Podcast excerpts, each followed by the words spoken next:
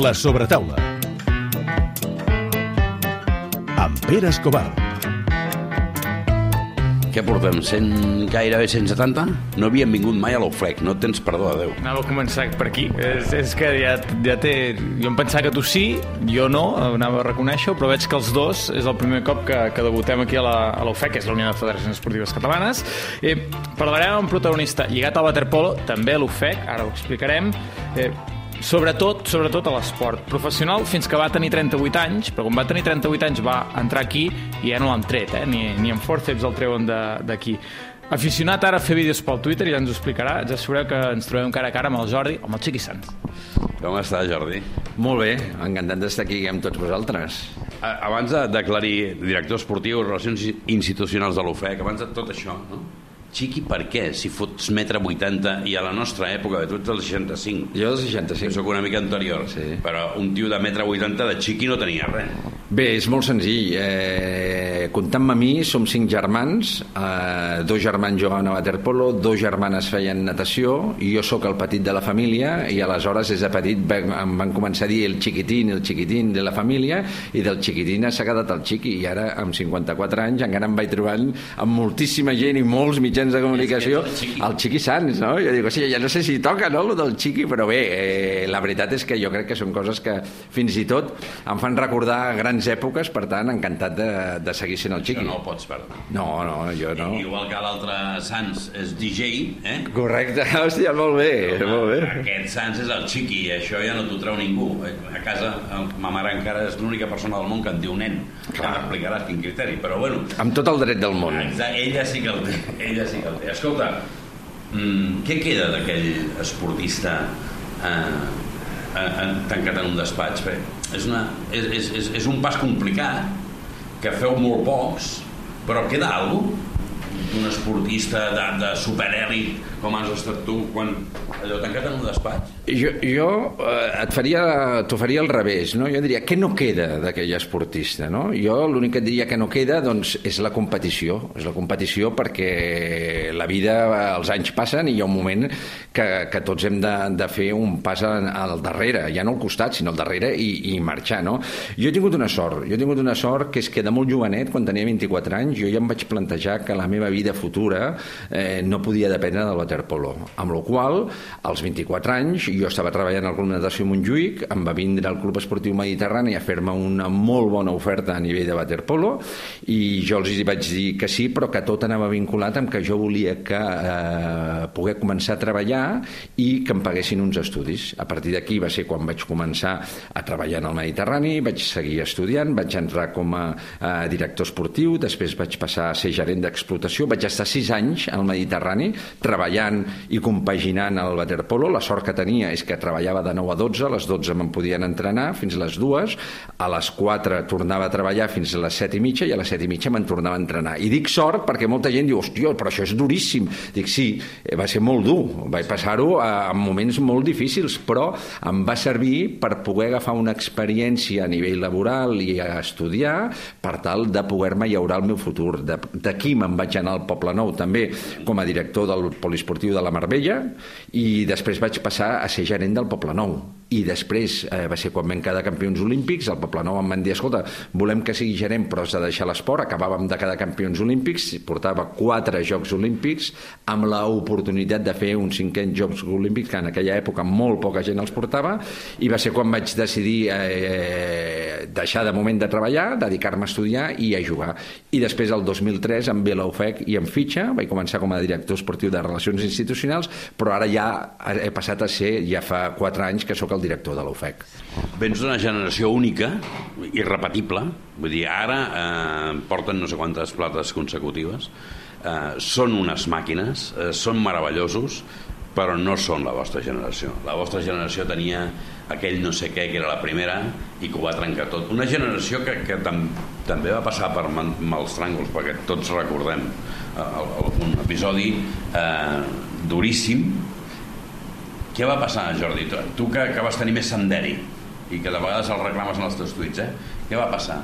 Ens vam tornar tots bojos, eh, molt joves, eh, molt aviat, en un món on no hi havia diner, de cop va aparèixer el diner, eh, famosos, Què va passar? Bé, una mica, una mica ho estàs dient tu, però com que eh, jo em faig un fart de resumir-ho sempre, t'ho puc resumir d'una manera molt senzilla. Uh, jo també he sigut jove, jo també he tingut 17 i 8 anys i he estat eh, a dalt de tot de l'esport, eh, he entrat gratis a les discoteques, m'han posat les copes gratis a les discoteques, se m'ha costat qui no se m'havia de costar moltes vegades, però jo tornava a casa i tenia una família i tenia uns pares que m'estiraven de l'orella i em deien, nano, eh, el que tu vulguis, però ja et pots aixecar l'endemà per anar a treballar, per anar a estudiar, per anar a entrenar, fes el que et doni la gana, però si vius aquí, vius en aquestes condicions. Aleshores, eh, va haver-hi gent que malauradament van vindre amb 17 anys des de Madrid amb una residència Blume que evidentment no és ni molt menys el que és ara. Abans la residència Blume no hi havia t'estic parlant, imagina't, t'estic parlant del, del, dels anys 84, 85 aproximadament. Allí no hi havia control ni hi havia res per tant o tenies el cap molt ben amoplat o no tenies una tutoria darrere o algú que et portés pel camí on t'havia de portar. I aleshores eh,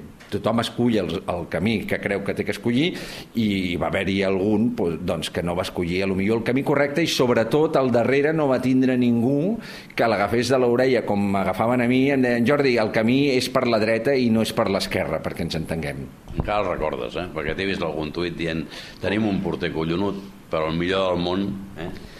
Eh, no només el recordo, sinó que m'emociono. O sigui, ara parlant amb tu, jo quan, quan parlo del Jesús Royan, eh, que és d'aquí estem parlant, evidentment, jo sempre he dit de que no només ha sigut el millor porter des del meu punt de vista eh, de la història del nostre waterpolo, sinó que també va ser una persona absolutament excepcional. Una persona que jo sempre havia posat l'exemple de, que, de que tu se t'havia espaiat el cotxe i era capaç de dir-te, escolta, no et preocupis, agafa el meu cotxe, diu, home, però, però Jesús, tu vius a Vallirana, és igual, jo ja me n'aniré amb tren, no et preocupis, però tu necessites el cotxe, agafa el cotxe, no? Pues, pues, pues eren aquestes mostres que el Jesús Royan era així absolutament amb tot, era una persona simpàtica, oberta, eh, extrovertida. Jo crec que aquesta, tu abans deies, una generació irrepetible, això és el que també ha fet d'aquesta generació irrepetible, no? Vull dir, eh, ara no estem parlant només de les medalles, que també, evidentment, l'última medalla olímpica que es, va, que es va fer va ser la nostra a l'any 96 i d'or, no s'ha fet una altra medalla olímpica, ja estem parlant de l'any 96 i ja estem al 2020, eh? Però aquell equip tenia un carisma que era capaç de que el convidaven a la passarel·la Gaudí i sortia a la passarel·la Gaudí a desfilar per Armand Bassi, saltava amb el públic i el públic, en vez de voler que sortissin els models al final, anaven cridant waterpolo, waterpolo perquè sortíssim els waterpolistes i sortíem als programes de televisió per què? perquè érem gent que no ens sentíem mm, eh, superiors a ningú ni que eh, érem com érem i ens agradava ser simpàtics, ens agradava estar al costat de la gent i al contrari, quan la gent ens venia a nosaltres al costat, el que fèiem és que ho agraïem molt i penso que això era una cosa que es transmetia. Ets un rar avis perquè difícilment un esportista d'èlit, tu encara ho ets, eh, mm, dona un pas endavant i diu les coses tan clares com les dius tu a Twitter. Hi ha molt pocs casos, molt pocs casos. T'he de dir que em sorprèn, eh? perquè no sé ni què et refereixes. Imagina't si ho tinc tan... Home, no. Per mi és tan normalitzat. Exacte. Que, que, que, No, no, que que m'agrada molt. I crec que, que hauria de ser tothom Hauria així. de ser així, però això no és així, malauradament. Així. Escolta, cinc Jocs Olímpics, ho has dit tu, or a Atlanta, plata Barcelona, eh, tres eh, diplomes olímpics, cinc mundials, or a Perth, eh, plata Roma, eh, plata Perth, eh, sis europeus... Hòstia, tu ho has guanyat tot. Sis lligues, quatre copes del rei, eh, internacional del 82 al 2000, 483 partits internacional, eh, plata i or de la Reial Ordre del Mèrit Esportiu, a l'All-Stars que hem repassat, legendario... Aquesta quasi la torno, eh? La medalla d'or No de la. Real Resem. Sí, sí, sí, em va parar el meu germà. Em va parar el meu germà. Aviam, no et crec, però una de les preguntes que tenia és com tens, perdona, eh, jo sóc així, bé, com tens els collons de fer això i després dir que, eh, que no, no necessitem aquest rei, que no, que no serveix per res, que només és una despesa. Això ho dius amb un. Mm, Bé, perquè és, el, eh, perquè és el que penso, per això t'estic dient que quan va passar el que va passar Sí. eh, i tots... A Eh, a sí, correcte. I jo vaig dir, jo torno la medalla d'or de la Real Orden del Mérito Deportivo i a més li faré una carta al rei en la qual digui que jo no em sento representat amb això que em van donar, que jo li torno, però que, si plau que el missatger el pagui ell i que vinguin a buscar la medalla, eh? que jo no l'enviaré. I el meu germà em va dir, Jordi, no ho facis, si plau, no et fotis amb més lius, que ja t'estàs fotent amb masses lius, eh, però realment eh, jo ho pensava així. Aleshores, eh, jo em sento molt, molt català, em sento molt pro al dret al, al, al, al poder votar. Aquí ja no parlo d'independentisme o no, No, independentisme. a Dic, més, escolta, jo el que vull és votar i que el poble digui, escolta, nosaltres volem això o nosaltres volem allò. Aleshores, a partir d'aquí, que cadascú m'expliqui què és el que faria per Catalunya i aleshores jo decidir com a qualsevol elecció, però el que no pot ser és que ens hagin tractat com ens han tractat, perquè jo era una d'aquelles persones que estava a, en un centre Hi ha un, electoral. teu, eh, un vídeo teu plorant eh, el dia 1 d'octubre, no? i explicant això, ara entenc això, a la por ellos han vingut a pagar a, a, a gent que alçava les mans, que aquell dia jo poques vegades t'he vist tan tocat. Sí, sí, saps per què?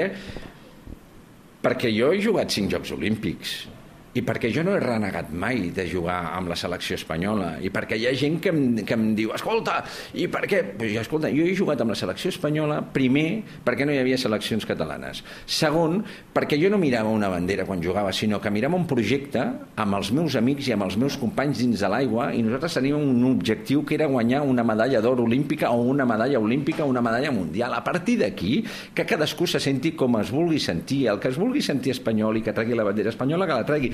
I si jo em vull sentir català i només acabar els Jocs Olímpics d'Atlanta quan guanyem la medalla d'or, em dono una volta corrents per tota la piscina amb la bandera catalana, amb la senyera, doncs me la dono. I què passa? I quin és el problema? Aleshores, hi ha gent que d'això a més, fa un problema absolutament increïble. Jo vaig rebre una trucada fins i tot en aquells Jocs Olímpics i escolta'm, jo no m'esperava això de tu. Jo deia, no, no, no t'entenc, què, què, què m'estàs explicant? I em diu, no home, clar, eh, que en un moment així, eh, treure la senyera i tal, i que escolta, si hagués sigut la bandera d'Andalusia, m'estaries trucant? Perdona, és que estic celebrant una medalla d'or d'uns Jocs Olímpics i li vaig penjar el telèfon i aquí estic parlant d'un alt càrrec del govern espanyol jo vaig pensar també, clar, cadascú té que saber les seves armes aquí. Jo vaig pensar, a veure qui té els nassos, a mi de fotre'm al carrer, després de ser campió olímpic, fotre el gol de la victòria, a veure si s'atreveixen, perquè li un pollastre que potser m'anirà bé fins i tot perquè em guanyaré la vida en els mitjans de comunicació. Eh, clar, hi ha una cosa que a mi em calenta molt. És, és, és tot el personal que apareix a fer-se fotos amb l'esportista que acaba de guanyar una medalla i que 10 minuts abans no li ha donat ni dos euros ni dos putos euros, perdona, eh, no, ja després ho talles, ni dos euros per, per, per gestionar, per reforçar, per ajudar amb el seu esport. Això sí, el dia que hi ha la medalla, aquell dia surten tots. Eh, tu ets institucional, però tu estàs envoltat de gent d'aquesta que surt al costat de les fotos de les medalles. Com ho portes? Ara m'has- ara m'estàs fent una pregunta complicada, perquè no sé si és que vens ja...